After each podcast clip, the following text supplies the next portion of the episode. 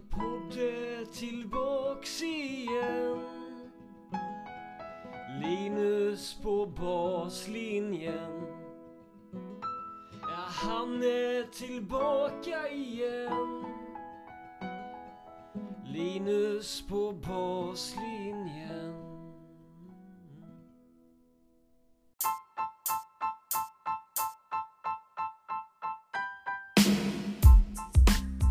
You are now listening to a new episode of Linus på Baslinjen podcast today together with Mike James, tennis performance analyst that have worked with multiple top players during the last couple of years, such as Wawrinka, Holger Rune, and Iga Swiatek. And Mike James are also today a part of the Mor- Mouratoglou analytics team.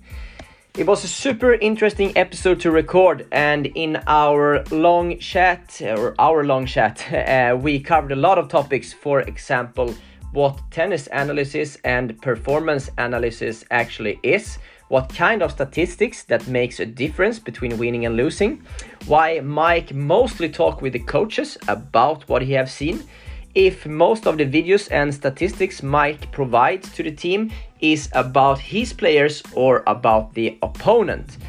We talk about how you can use statistics for injury preventions, in what age statistics start become useful, and we talk about Mike's take on the discussion about rally length and how much you need to practice longer rallies and intervals. A great episode, so let's get started. Mike James, welcome to the podcast.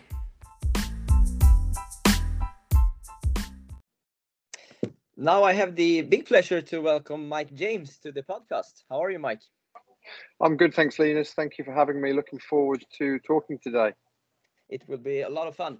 Uh, I, I, was thinking that first of all, because uh, because I'm from Sweden, what's your relation to, to Swedish tennis? Uh, Swedish tennis, yeah. So I, I was fortunate enough to uh, meet Magnus Norman at the US Open in 2018, and then from there we, we struck a good uh, a good relationship and, and, supported him a little bit with some analysis support in 20 off season for 2018 and 2019, and, and spent around a year going back and forth to Stockholm at the Good to Great Academy, and also Amex Tennis, Ali Galem Martin yeah. I know those guys very, very well, and, and they're great uh, guys in their field. So, so Swedish tennis and, and that area is, is a yeah has a fond place in my heart for sure.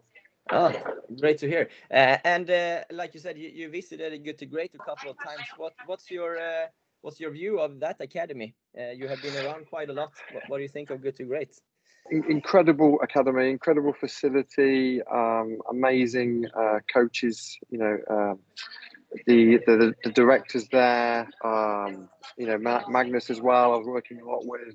Um, yeah, they've made. I, I, think I said to Magnus at the time, they made a facility that literally I couldn't draw better um, out by hand. It's it's very very nice, um, and I think even since I was last there, now they've expanded on with paddle and um, and and with the outside clay court. So I'm looking forward. I'm actually going back to the Stockholm Open um, in in a month's time. So I'm looking forward to maybe popping in and having a look at how they've expanded. Oh, that's cool. That's cool. Uh, if we uh, uh, go back to, to where it started for you, Mike, uh, can you can you please uh, describe your journey into what you're doing today and how how that come?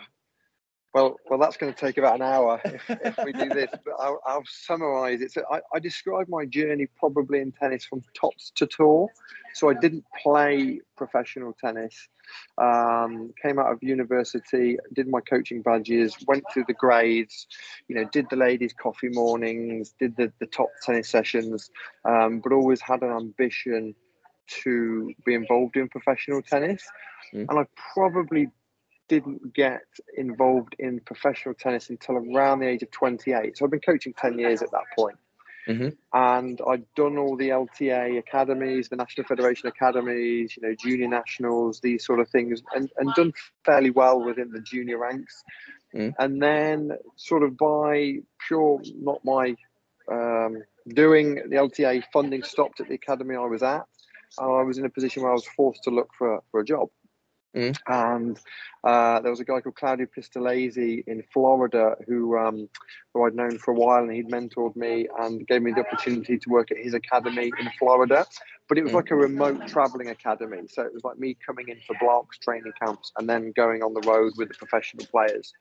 Okay. So, but, but you were coaching then. You were coaching as a coach. Yeah, yeah, yeah, coaching, coaching. Um, but but when I started to get into professional tennis and you know, I knew my limitations as a player. I, I needed something to to help me within my coaching, and, and, technology was sort of my forte, really.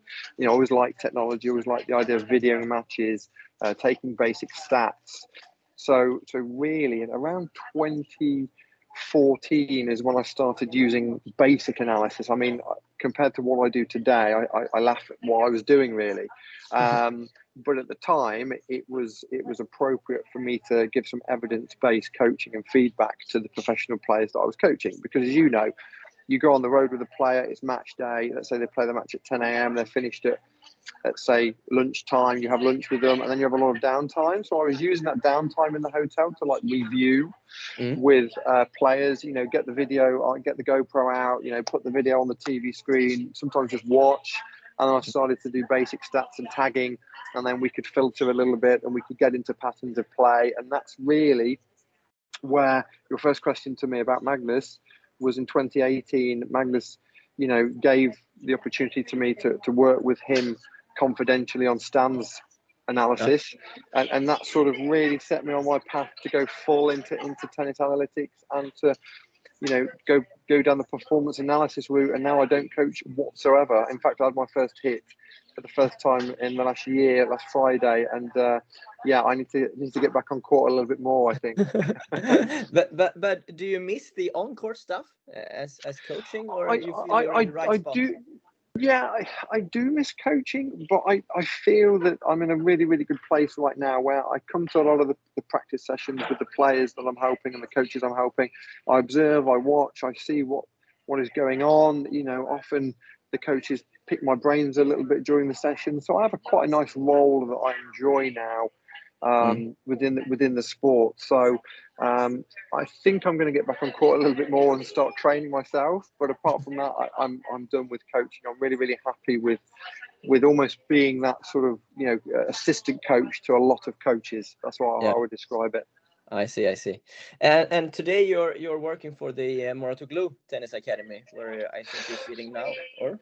Yeah, so I'm here at the Mouratoglou Tennis Academy, but actually I'm, I'm working for Mouratoglou Analytics, which is a franchise of the Mouratoglou Academy. But the the I had my own company for two years, and oh. then I merged my company into the Mouratoglou franchise. And one of the benefits of that was living in the south of France.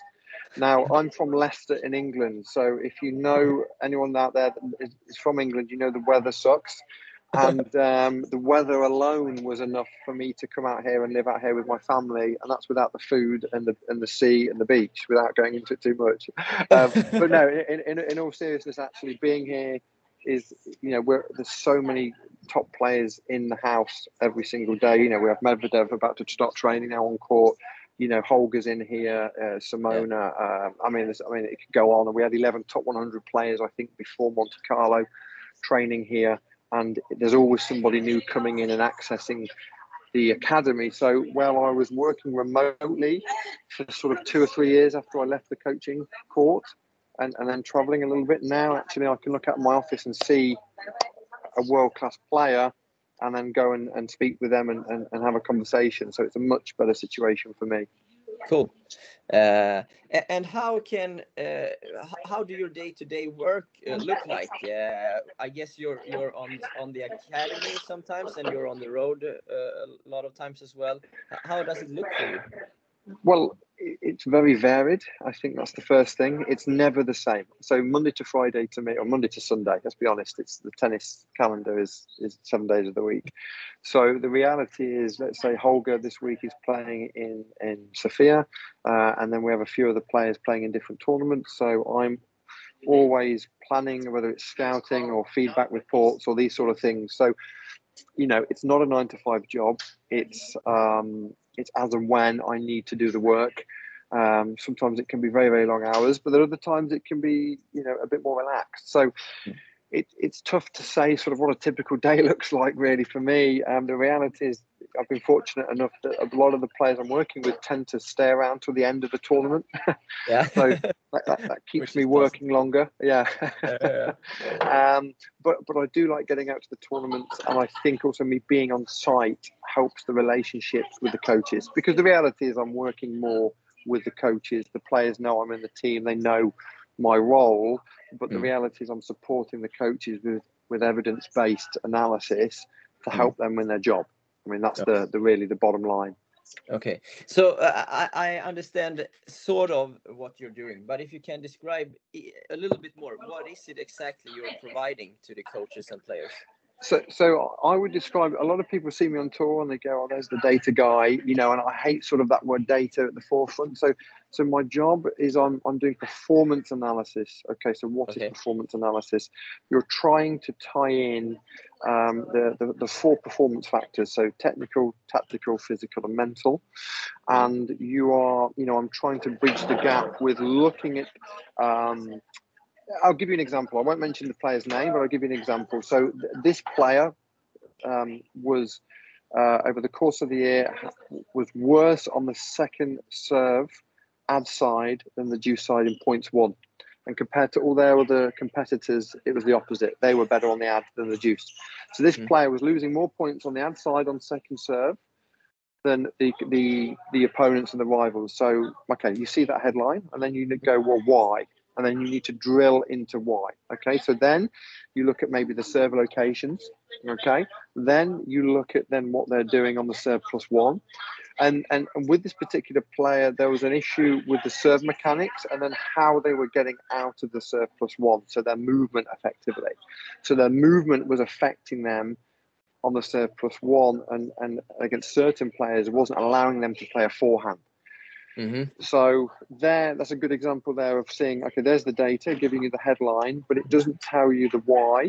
It just tells you the sorry, it tells you the the okay the, the headline, but it doesn't give you the the why or the how. So, you know, for me, it's about drilling down, and also the, from coming from a coaching background actually helps me because when I look at the data, I can then go into biomechanics. I can go into the the tactical side of the game really really easily. Mm. Whereas if you're just a data scientist, and we have a data scientist in the team, and he crunches some numbers sometimes, and he's he's doing some coding and stuff for us. But the reality is, you know, you need to be able to communicate Mm. um, the information and make it digestible, and Mm. also you need to make it simple because players nowadays have have, have less of an attention span than Okay. they used to, in my opinion. There's, I've not actually got no facts on that. That's just an opinion. Um, Yeah. You know, with, with with phones and how people are consuming information. You know, even junior players nowadays are watching tennis matches via highlights on YouTube for ten minutes. Mm. So actually, those highlights for that player watching those ma- that match doesn't give them the real story of the momentum flows and the player Mm. had a bad call or, or whatever what went on. Yeah. So you know you have to be smart on how you're delivering your information, yeah. but you have to make it clear and you have to make it digestible. Yeah, yeah. Uh, so, so it's um, it's not only the statistics you're looking at. It's it, it's uh, it's what your eyes see that you provide. You tell the coaches as well. Yeah, uh, absolutely. And we're trying. Yeah, we, we, but we're trying to use as, as much of a data-driven performance analysis approach as possible. So we're using Hawkeye data. I, I mean, I'll give you another example of just, um, you know, when I was working with Magnus and looking at Stan, Stan could be four meters behind the baseline Mm. on the on the run, hit a forehand full cross court, a meter close to the baseline, and Mm. force someone like Novak Djokovic to make an error.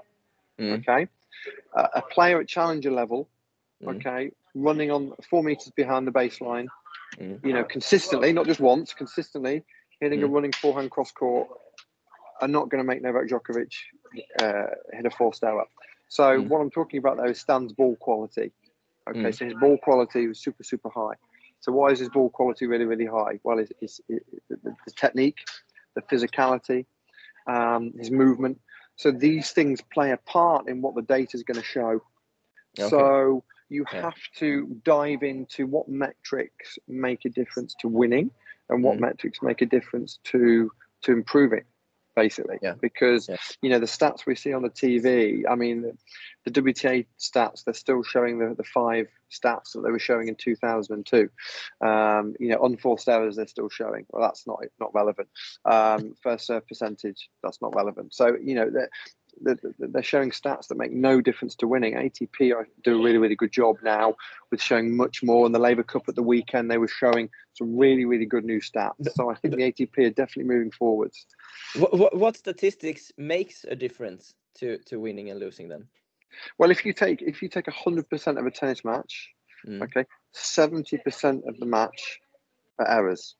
Okay, Mm. so thirty percent are winners. So let's let's park the winners out the way. Thirty percent out the way. Okay. Yeah. So now we take hundred percent of errors. Yeah. Okay. Seventy percent on average are forced errors. Now, forced and unforced are interpreted, and, and the argument I have with Craig O'Shaughnessy, he believes they shouldn't be unforced and forced in the game.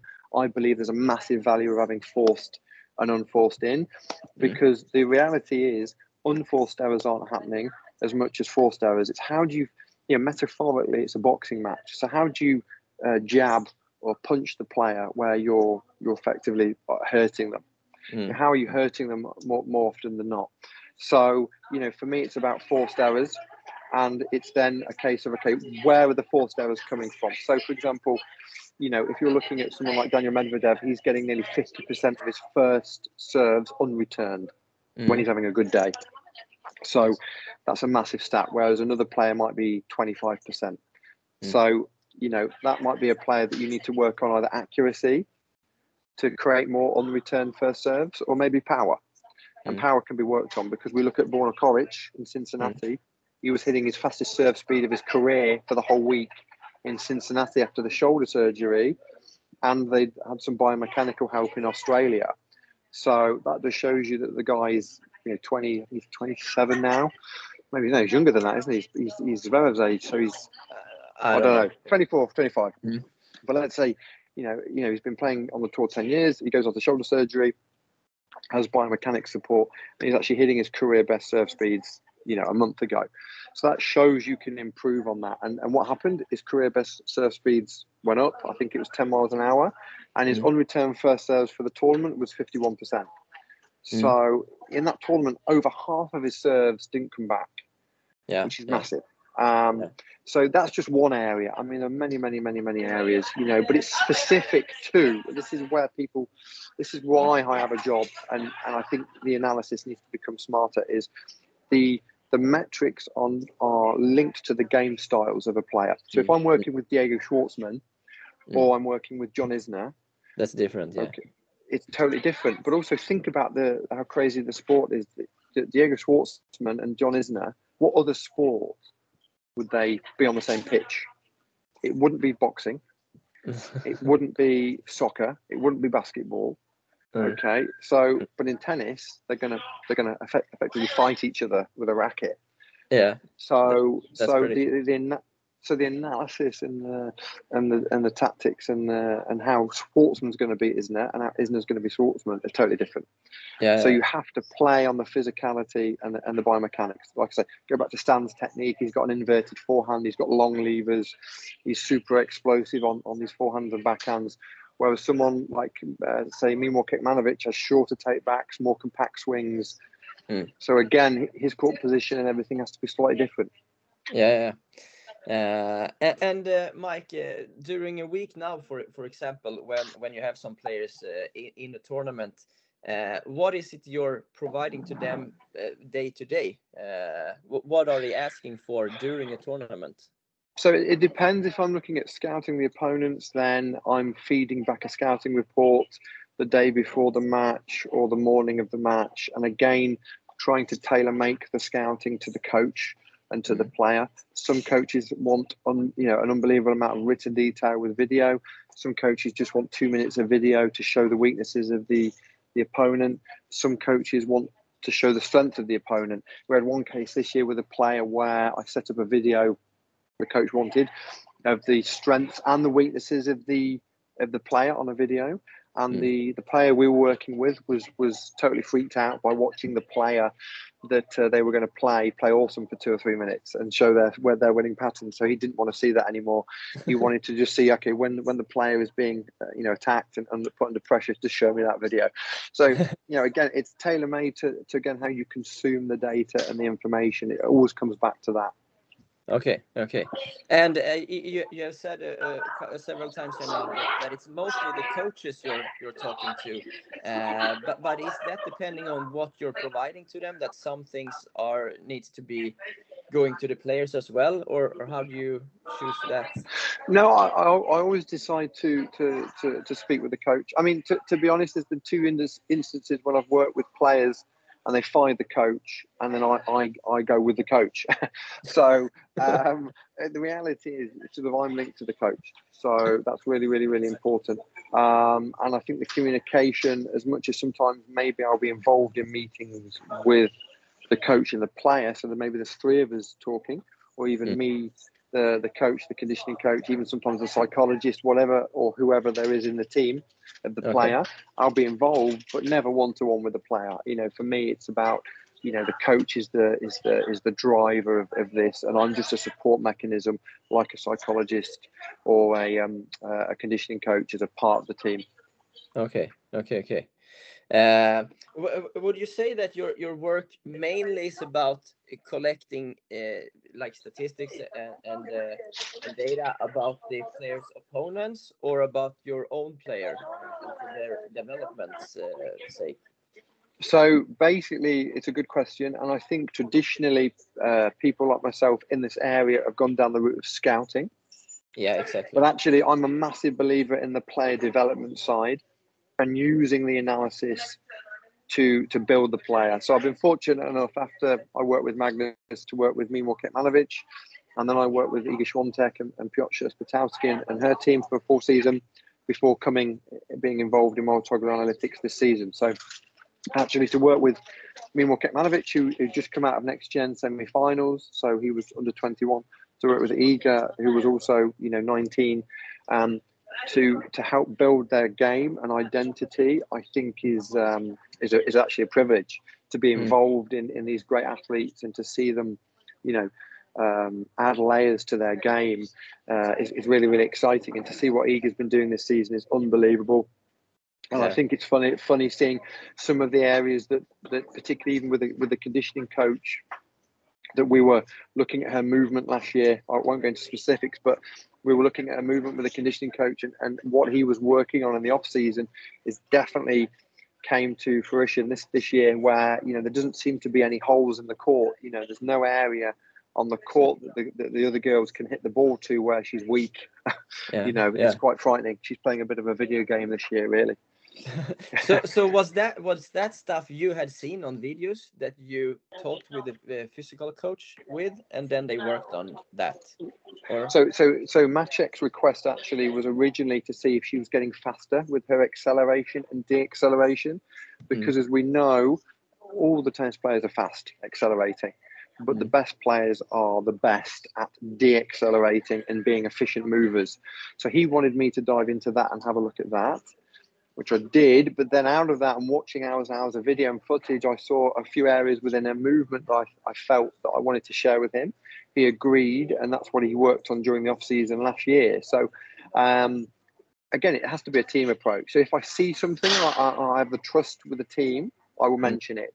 You know, I, I, again, I go down the route of my role. I go as far as I need to within the team that I'm working with. Mm. So, you know, often the more senior coach with the more experience, they they will have a plan and a philosophy, and I will just adhere to that and add little bits. And then if it's a younger coach or player, then I'll, I'll maybe have a bit more of a role, really. So again, the, the, that's almost the excitement I like about my role is the, the variety within the job. You know, not no two players are the same. You Mm. know, you have, you have male, females. The age gaps can be different. You know, well, I mean, what was amazing when I started with Magnus was that the surprise when I got the email titled Stan Wawrinka in October 2018 and, and his remit to sort of dive into Stan's game when he'd been working with Stan, I think, for four and a half, five years and achieved so much, but they were still looking to improve. And Mm. Magnus's mindset to actually still want to improve and and dive into one percent, you know, marginal gains. I think super impressed me uh, Mm. and surprised me. You know, at the time I'd been working a lot on the the Challenger and Futures tour, so it was sort of my first big project of a top 100 player. And actually, like, I mean, it's not just an average top 100 player; it's No. one one of the best players in the last 20 years. Definitely. So, to, so to see that mentality from Magnus taught me a lot. Actually, that that there's always room for improvement, and the top top guys are always tweaking their game. You know, your Federers, your Nadal, Djokovic's. There's a reason they've been there for so long. And if you Yeah. look at the, the, the technique of Novak's serve or, or Rafa's forehand, it's different to when they came on the tour. It's as simple as Mm. that. You know, the grips, Mm. the stances are slightly different because they've evolved with the times. Would you say that uh, it does does your work differs if you work with uh, work with a female or male player as well? It, it, no, no, it, it, it, it's just specific on, on the reality of, of the stage and development and the ranking of the player. So it doesn't really change as in male or female. Um, it's more, if, for example, if I look back at what I did with Kecmanovic and his team and then Iga and her team, it's very similar because they're both 19, both their first season on the on the on the, on the main tour, um, and and both of them wanted similar things actually within my feedback and and what they're wanting to track. Um, you know, so because the thing is, when we've got when we're with top 100 players, we've got uh, the advantage of Hawkeye. So Hawkeye can give us revolutions, ball speeds, um, contact points that are really really specific. Mm. So that gives us an extra layer of, of data uh, added to what we're doing in Mouratoglou Analytics, which is we're using Dartfish, we're using Power BI. So we're tracking a lot of tactical data and Mm. patterns, whereas then the Hawkeye data, that layer gives us then the ball speeds. And and Okay. the value of that is is seeing okay, does a does a player's ball speed drop off in the third set, for example? Like so if this, if the ball speed drops, it's probably a, physical issue and a Mhm. mental issue because Okay. the technique the technique doesn't change massively on the forehand and backhand, right? You know, from the first set to the third set, it shouldn't change at all. But Yeah, if the yeah. ball speed drops, it's often a tensional thing or it's a physical thing, particularly in the guys if they're playing five sets. So the reality is, if you're looking at Sinner and Alcaraz play that ridiculous match at the US Open yeah. a couple of weeks ago, their ball speeds were not dropping in the fifth set. You know, they're playing at 4 a.m. or whatever it was, and, and they're not, you know, they're not slowing down. You know, so that's that's the physicality of both of those guys and their mentality that they were still super relaxed and and letting rip. You know, uh, in the fifth set. So, and that for me is the difference because when you talk about okay, what like you said, what does make a difference if you're looking at forced errors, Mm. then ball speed is really really important and and revolutions and spin. So spin and speed are massive Mm. because if you're Rafa, your spin's going to hurt the player. If you're Robin Soderling, it's Mm. the it's the ball speed that's going to hurt the player. You know, I remember Mm. him. You know, a great player from Sweden. So those things are going to make a difference. Yeah. And uh, how big database do you need to to be able to see something? How many ball uh, serves do you need to collect, or how many? Yeah, how much do you need to be able to say something? Yeah, I mean, nowadays I have my own um, thoughts on this. When I started with with Magnus, it was a case of collecting. Um, the, the goal was looking at Stan's data before his knee operation and after his knee operation. So Mm. it took me probably two months of information to dive into, and I, I collected, you know, a couple of seasons worth of information for for Stan plus 2018, and that was a two month project to actually put that together. So, if the starting point really, yeah, it's a long time. But if the starting point is probably 10 matches, Okay. If you've got like, because people always ask me this when juniors are, are starting with us or this, if you get 10 matches worth of data on the same surface against the same playing hand, you know, you don't want, uh, you know, uh, fi- 10 matches with two on clay, one on grass, three on hard, and then, you know, two left handers, four right handers. You know, Mm. you want a bit of consistency. And again, that's what makes our sport super difficult to analyze is not not just the physicality, but you've got left-handers, right-handers, single-handed, you know, Mm. double-handed, and then and then and then the surface changes, and then that's without the balls changing, and that's without uh, the altitude. You know, playing in Mexico in Guadalajara to playing at sea level. I mean, it goes on and on and on. Do, do, do you make difference uh, between uh, data uh, uh, depending on what balls they use as well? Do you, we try. have- yeah. you if if if we get that request, we do. I think it's important to try to narrow the the, the, the, the accuracy as much as possible because the issue is when you're scouting somebody, we, we won't name any players, but there's certain players that we know that tank um, uh, points. I mean, uh, if we, there was a final yesterday that everyone on Twitter can see a certain player in a final yesterday hitting the ball with a handle. Yeah, so, I saw that. so, so, so if I was to take the, uh, the, the the the data from that particular point, I might as well throw that in the bin. Um, Yeah, That's got no relevance whatsoever. And then also the mentality, and then the actual the competitiveness. I mean, it- you know. So let's say I'm scouting that player. That everyone can probably know who it is. Um, I'm not going to take the data from that tennis match because it was just a waste of time. It was non-competitive. You know, Okay. that was someone in cruise control. You know, waiting to finish on match point.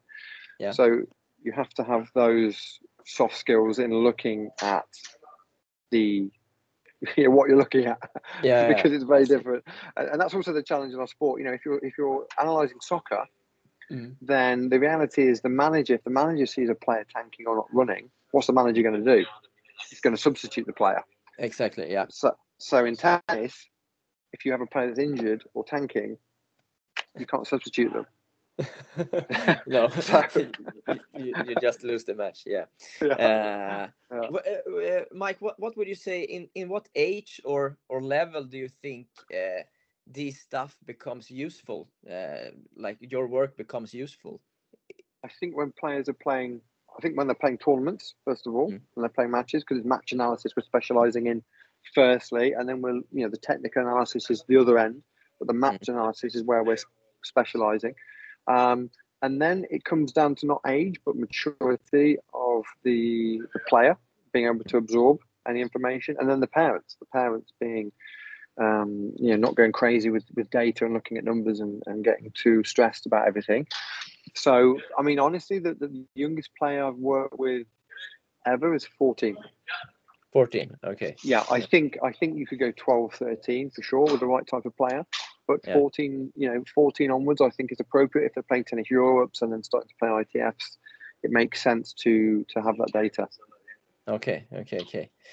Uh, and um, uh, when when you, you work with the best players, the top players, um, how how advanced like stra- strategies or tactics do do they bring on the court for a match?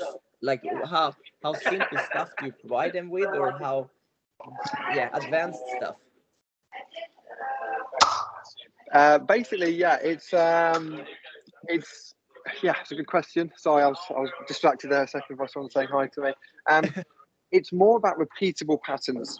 So it's it's not advanced. It's not advanced as you would think. It, it's basically okay. If me and you play a tennis match and I win fifty four percent of the points, Mm. okay, I'm going to beat you nine times out of ten. Mm. Okay, so so the, the, the swing percentage, I only have to get to 54% of points won. I don't have to get to 60, 70% of points won to guarantee winning 90% of the matches. It's Mhm. literally, I have to just get over 50%. So therefore, it's about repeatable patterns over and over again and backing yourself that you can you can do that.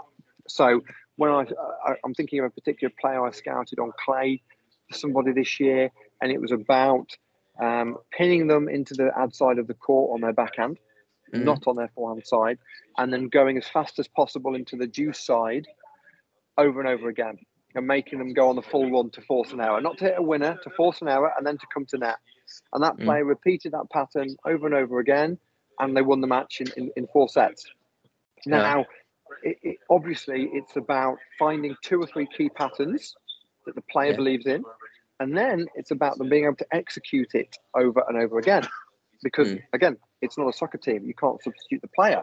So if the player is having a bad day, Mm. or they cannot, um, you know, they, that day they cannot repeat that pattern, Mm. then it's not going to end well. You know, so it's the soft skills are telling advice that you think that player can actually deliver on. So Yeah. if you're if you're working with someone like Iga, she can do everything. So if you say to Iga, right, we want to, you know, put the drop shot in a lot more today, or we want to put slice in, or we want to go to net, or we want to drive volley, Iga can do this. Mm. know she can do everything. But if you're turning around to another player that is a, a baseline grinder from four meters behind the baseline and they only and they never go to net, then if you start talking about drop shots, drive volleys coming to net, then you're totally taking them away from their comfort zone and game style and what makes them good. Yeah, yeah. So you have to work within the limitations that you have for the player when you're giving advice. So there's Mm. no point in me saying the data says this, just give that information, knowing that the player cannot actually do that over and over again for two hours. So, so ha has it happened that you are uh, delivering so, some uh, some things you've seen to the coach, but you to decide that this is not the right stuff to bring to the player because they i- yeah, Definitely, yeah, do definitely. And and and that's sorry, that's where the communication comes in with the tennis coach because we're having these conversations. Mm. So I'm saying to the tennis coach, "What do you think about this?" And he and he or she is going, "Well, I think they're not."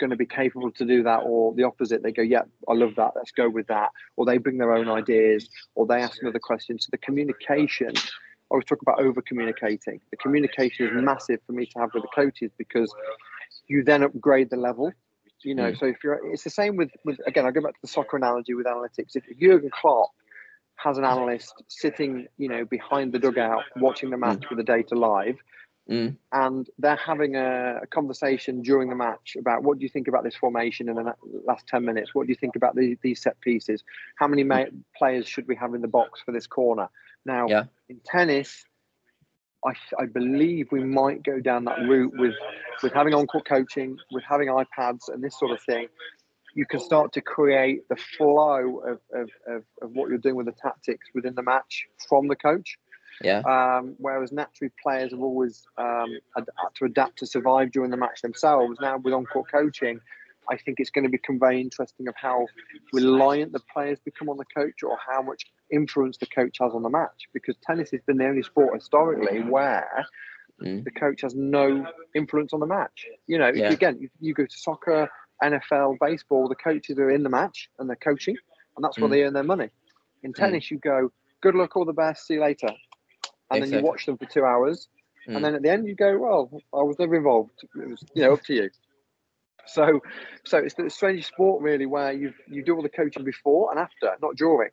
Yeah. So I think now tennis is going to change a lot in the next five or ten years with technology coming into the matches. Do, do you think that will change how we uh, work with the juniors as well? That they don't need to uh, learn everything themselves on the court, or Well, I think they will, and I think they. I mean, they they for sure will need to learn how to do that. It's more of a case of, for me, it comes down to okay, I'm going to be, I should be with Holger at the next gen finals in six seven weeks time. So so so in the players box we'll have the iPad. Mm. I will be watching the, the iPad and looking at the data. I'll then speak to Lars, and Lars will speak to Holger live during the match. Mm. So that flow, that workflow will happen live randomly for one tournament a year. Now, it might go great, or it might be really, really tough. I have no idea. But the point is, if that was week in, week out, you would then learn how to create the communication and see what you can do and what influence you can have during the match. So Mm. for me, with certain players, for example, their return positions, you know, what's the optimum return position to touch the ball more? Therefore, if I'm touching the ball more, I'm getting more in play. Mm. And then what do I then do with the ball? Mm. So, so do you know what I mean? Is in the sense of like, you know, we know like Medvedev, for example, you know, likes playing deeper than anybody else, but then he's also the best at getting to the baseline by shot. His, his third shot of the of the rally and the return. Whereas whereas Zverev plays four meters behind the baseline and then stays there. Mm. Alcaraz is is is creating a flow during the match, and what I mean by that is he's literally enjoy the point. He's literally changing his court position massively through the point, uh, quicker than anybody else, and that's one of the reasons I think he he is the real next gen of, of, of how players are playing because he can be he can be four meters behind the baseline, and then two shots he's at the net, Mm. and and that wasn't the mindset of players previously. It was I'm a defensive baseliner, so therefore I stay here for the whole match. I'm an attacking baseliner, therefore I'm inside the baseline or coming to net. So we're going to see the hybrid happen, and we've already seen it with Zverev and Medvedev, where we Mm. see a guy that's six foot six have a 220 kilometer serve, Yeah. but then they stay really deep behind the baseline. Whereas in the 90s, somebody at six foot six would be coming to net all the time. Yeah, yeah. So the game is evolving and changing all the time, and I think that's why you have to tailor make and you have to create and look at the analysis specific to the players that you're working with because it really is random. I mean, you cannot you cannot say zero to four is seventy percent of all of tennis because it's not for John Isner and it's not for Schwartzman. Yeah. Okay. I, I think one of uh, like, like you mentioned, but one of the most basic stats that has been a lot of talk about, I think, uh, during the years is the the length of the rallies uh, and the one to four length and how important the serve return, first strike is, and so on. Uh, what's what's your take on that today? Uh, is it the right way of thinking that the serve return first strike is the most important shots? So, so regards to winning tennis matches, yes. Uh, overall, yes. You know, serve plus one, okay, return plus one. However, at certain periods of the match, we get longer rallies. So when do we get longer rallies? When does zero to four become not so important on second serves. On second serves and second returns, the rally length is longer. Okay. We know that. On mm. on pressure points, the rally length is longer. Mm. So, you know, we're seeing unreturned serves at 15 all, 15, 15 30, 30 15. But at 30 40, we're seeing maybe a slower serve. We're seeing the ball go in more, and then we're seeing a longer rally. So mm-hmm. the reality is yes, it's important to, to work on these serve and return plus one patterns mm. and repeat that really, really well. But we're seeing longer rallies in the pressure points. So you cannot neglect the the volume training. Mm-hmm. And I know I was on I was on Adam Blicher's podcast three years ago now talking about this and what I said about the practice court is broken in the sense of we we practice serve and return at the end of a session when a player is tired. Yeah the natural one is a, it's a two hour session. We'll do one hour 30 of volume training, you know, side to side drills, two cross one line, open, play the point out, and then the serve comes in at the end. Whereas for me, we should do a lot more. This is almost for now club coaches or junior development. We should do a lot more feeding over arm. So when they feed the ball in to start the mm. drill, they feed over arm. So we're practicing yeah. the serve mechanics. That's one thing. Mm. And then the second thing is uh, practice and serve and return at the beginning of the session, and then do your volu- volume the mm. other way. So flip the session around. That's if I went back into coaching now. That's how I, w- how I would change my coaching philosophy. I would do a lot more over arm feeding, and I would do serve and return at the beginning of sessions, not at the end when the player is tired. Mm. But but you, you you believe that the volume tra- training should be done uh, regularly as well. Uh, regularly, like yes. Long rallies and long intervals, yes. Yes, but it but it should be done with um, not just um, how can I describe this? There needs to be an, a competitive edge to all of these drills. I think games-based training is always the best, and I think you know I spent a week on court with Holger and Medvedev um, two weeks ago before they went to Metz, and and seeing how they're doing volume and everything is you know volume around six to eight shots, then let's open it out, or let's go let's go no more than 16 shots and then play the point out. So they end up playing 20, 25 rally shot rallies, mm-hmm. but they're they're keeping it closed at the beginning of the rally and then they're opening it out.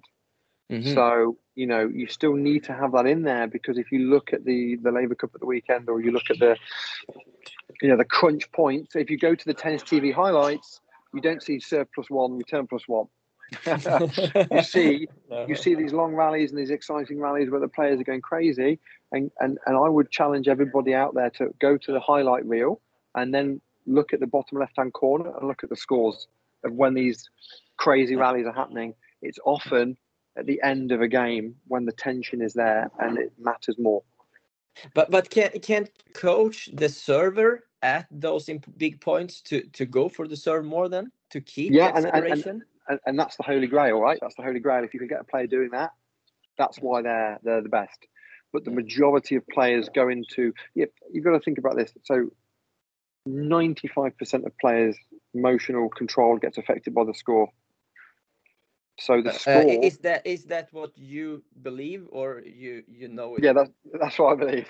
it's like coming away from ninety five percent is a stat I've literally made up. Okay, so so basically, good question. They're good that you picked up on that. So so but but but the thousands of matches I've looked at for the last five years. Okay, the the the I'll give you an example. Okay, the only player I believe that doesn't get affected by this as much is Djokovic. And the Uh, only reason I believe that is because you how many times he's been match point down, and his his quality his quality of how he plays the point Mm. is exactly the same as if it was love all, fifth, you know, first point of the match. Mm.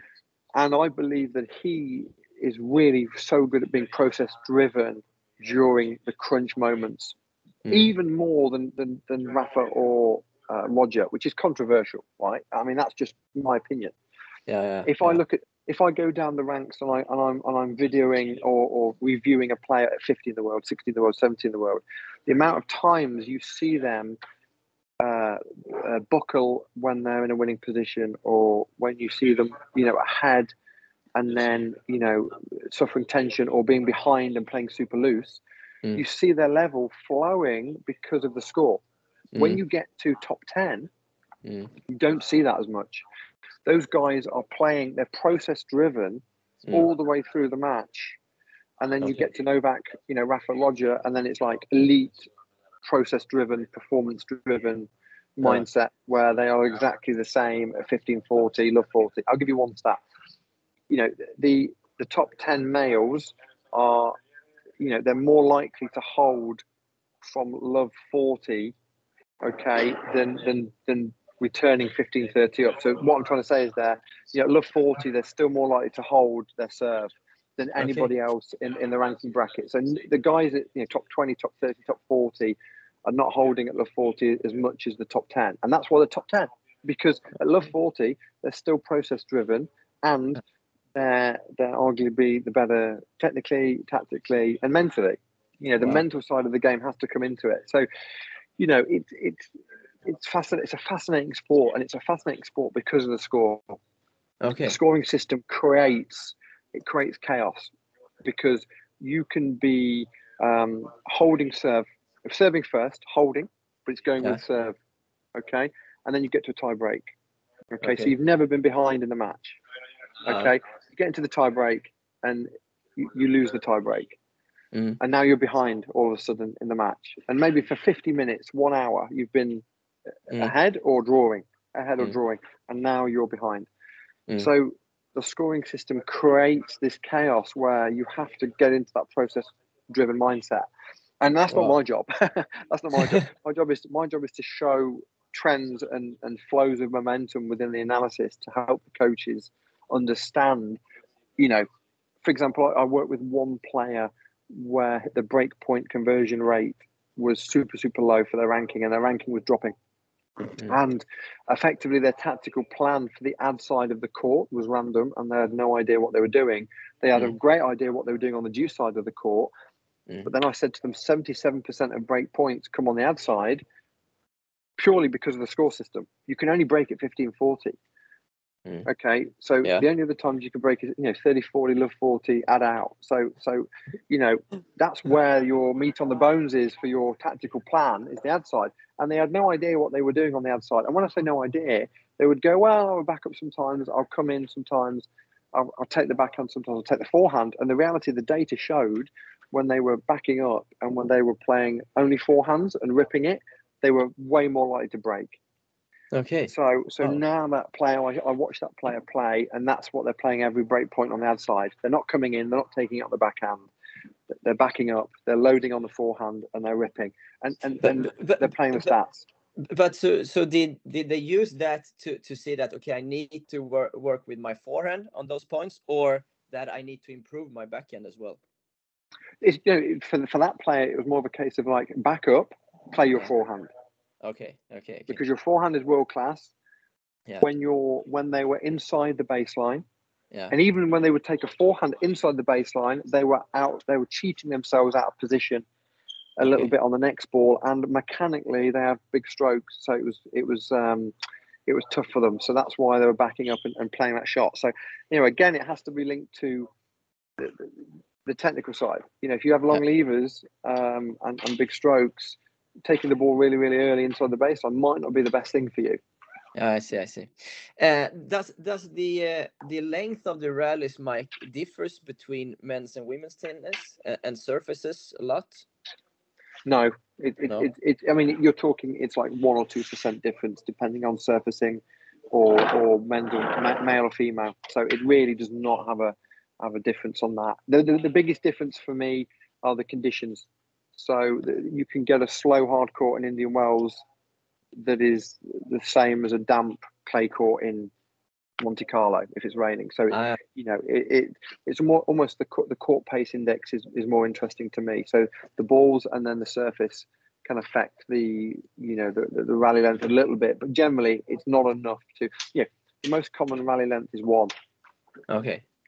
And that's the same Yeah. on any surface male or Yeah. female so you're not getting around that you know it doesn't change to randomly three you know Okay. on a surface you know it, it it's one so yeah I- i- In your database, do you cat categorize the, the the stuff with the with the weather as well when it's like uh, dry or uh, rainy? not or... not, not really. We, sometimes we take notes. You know, if it was a really really heavy damp day, or you know the, the court was playing really fast, and there was something unusual about the, the or the balls had changed that for that that year. We we make notes, but the reality is we we try to be as accurate as possible, and, and obviously we want that information if if people ask for it. But the, but the reality is no, not not it's not at the forefront for sure. No.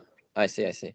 Uh, I also heard you. I may, maybe it was in another podcast or interview, but that your uh, players and coaches also use uh, your work for injury preventions. Uh, can can you tell me a little bit more about how, how that uh, works?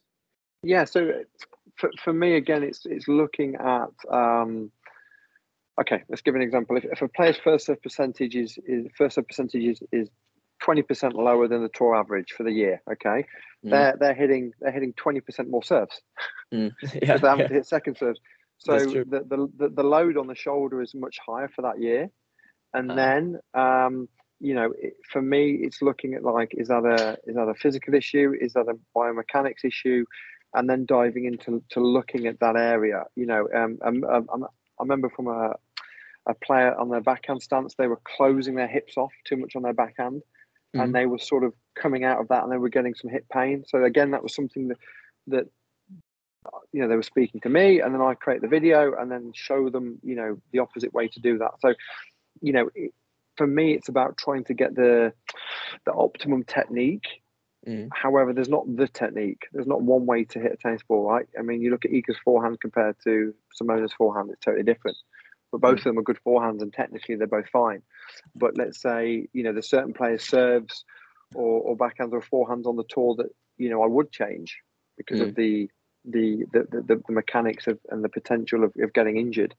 Um, you know, um, the serve is the most common one. The serve is the one Okay. where if that's not right technically, that will cause issues with the the shoulder, the wrist, and the hips. I mean, Mm. it- you know, Mm. but but I, I come in just with video support and some data support to back up the physio or the conditioning coach or the tennis coach to, to look at that. I mean, you'd never want to be in a situation where the player is having to have surgery um, and you've noticed something and you haven't brought it up, you know. Yeah, uh, yeah. Is your view that the the majority of of the coaches and players on tour, let's say top hundred, work with some kind of uh, statistics that data analysts uh, today? I would say everybody in the top 30 nearly has somebody. And I think it's becoming more and more and more. Um, you know, I think it's whether it's the federation or the Grand Slam uh, countries, they're providing analysis for their players, or or there's, there's, there's you know the top players are hiring someone like me for sure. Um, it, it's it's becoming more and more normal. Okay, okay, okay. Yeah. Uh, l- l- last question, uh, Mike. Um, if we look maybe outside of your work as well, uh, because you, you're you're around so many top players and top teams uh, in the world of tennis, uh, is there something you, you can you can see that is general for those players uh, or teams that they do that makes them such great athletes and, and players? That's a great question, Linus. I think attention to detail, Mm. attention to detail, and, and never never being satisfied. They're the two things. Because again, I go back to Magnus. He wasn't satisfied. He still wanted more success. He still wanted Stan to come back to his best ranking and, and push. Um, And and the attention to detail with the top guys. they're always looking, they're always reviewing. And I think in tennis, if I, if I quickly go into it, Yeah. again, I'll go back to soccer. soccer, they, they play on Saturday. The analysis team review on Monday, uh, and then they feedback to the team on Tuesday. They work on their areas, and then they play again on Saturday. So the windows that they have to review and preview is massive. In tennis, the issue we have is we win on Monday, we play on Tuesday. We win on Tuesday, we play on Wednesday, and we just go like that. And if we're Yeah. winning, we just take that as feedback, and we go, okay, we carry on. There's nothing to work on. And then Mm. when we lose, if we don't have someone like myself, we go, oh, we felt this, we thought that, we think this, and that's where that's the time to really reflect and review on what your your game is like. But also, I think that should be done in winning. And the top players, whether they're winning or losing, they're always reviewing. Uh, So that for me is the is the area where everybody can get better at that. You know, if I start to if I come to Sweden in a, in a month's time and everyone's got cameras on the on the netting and filming their tennis matches, then I've done a good job today. because even even without even taking stats, actually videoing your matches and watching them back has a massive value. Yeah. Um, and I think coaches can use that with with you know if you're in a climate like Sweden where it's cold or you have the wet weather, um, or or UK, you know actually having video footage and go okay. Today we're not training on the court, but we're going to watch your match from the weekend and make notes and and and talk about that. That's a massive value in development. Massive, Mm. massive, massive. I have the I have the I have the privilege here, you know, to take players in a room with a big screen and and go through everything and take our time and review it. But you know that's what anyone can do for me. Mm. Um, and I think if coaches start to go down that route, that would be massive. But but when you do that with, with your players, do you watch the full match together or you watch the segments you have picked out? So obviously we, we, we do the tagging and and the analyzing. So yeah, we, we look at the patterns and we we create review videos and reports. Mm. But uh, I'm saying from a junior point of view to start, I think just watching a full match and, and actually looking at body language, looking at momentum, looking at all these things you could do by just watching. You know, Mm. there's there's apps out there like Swing Vision is quite good. You know, is a, is a, is a cheap uh, uh, app to actually chop the uh, the match. You have Mm. Scissor, uh, which is an American company as well, which does the same. So I think there's there's some options out there to just you know chop the match and just watch the match and, and dive in. I think it's a great great way to upgrade your your mentality and skill set. Yeah, cool. Uh, Mike, it's been uh, a pleasure talking to you. Uh, thank thank you so much for for taking your time and sharing your experience here. Thank you, Linus. And if anyone wants to reach out to me on social media, uh, you can find me at Mike James Tennis, or just Google Mouratoglou Analytics and, and reach me out on the on the contact form there. So I look forward to catching up with everyone. Perfect. Thank you so much, Mike.